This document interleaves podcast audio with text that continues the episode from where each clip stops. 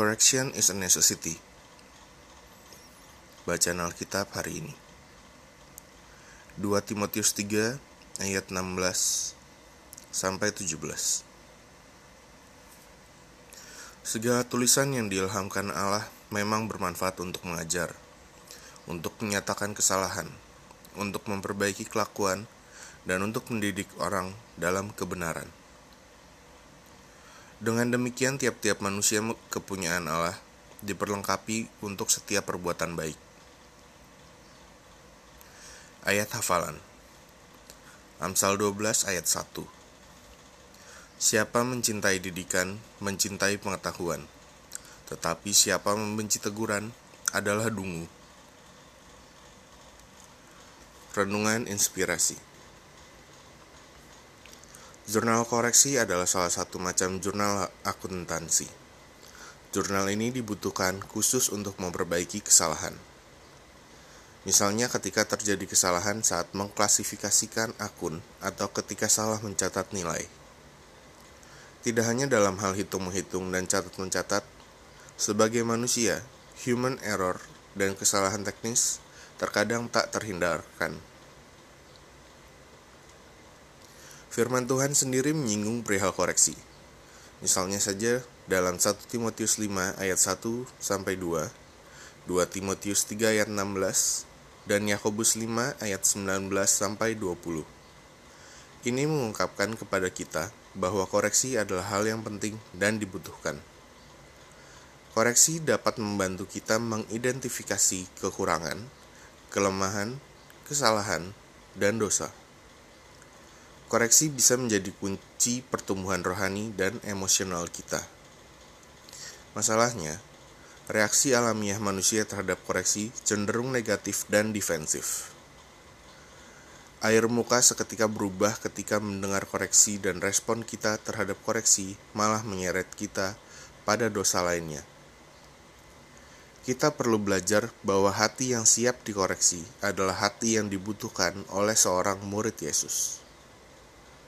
Terlepas dari pembahasan tersendiri mengenai seberapa agresifnya penyampaian sebuah koreksi, bahkan jika koreksi tidak disajikan dalam bentuk yang bijak dan ideal, dari sisi kita masih bisa memilah dan menentukan di area mana kita dapat memperbaiki diri.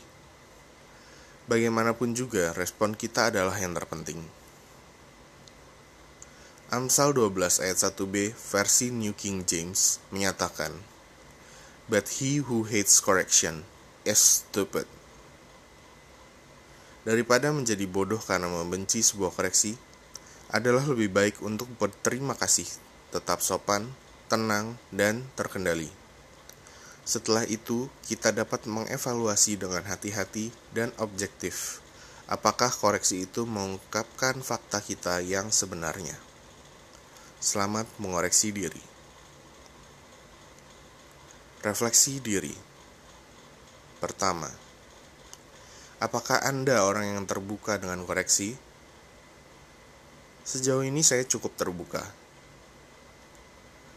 Kedua, bagaimana sikap Anda ketika dihadapkan pada koreksi?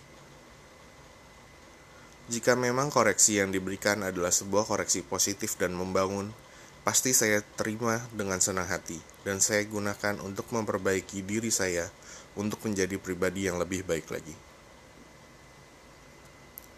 Pokok doa. Tuhan, sekarang aku mengerti bahwa koreksi sering kali menjadi alatmu untuk memperbaiki diriku. Aku mau belajar tentang sebuah koreksi. Aku mau belajar untuk memiliki hati yang lapang dan respon yang benar tentang sebuah koreksi. Di dalam nama Yesus, aku berdoa. Amin. Yang harus dilakukan: miliki hati yang lapang saat menerima koreksi, miliki respon yang tetap tenang, sopan, dan terkendali saat dihadapkan pada koreksi. Evaluasi dengan hati-hati dan objektif apakah koreksi itu mengungkapkan fakta kita yang sebenarnya. Hikmat hari ini. Everyone makes mistakes. It's how you respond to correction that shows the level of your character. Semua orang membuat kesalahan. Bagaimana Anda menanggapi koreksi yang menunjukkan level karakter Anda?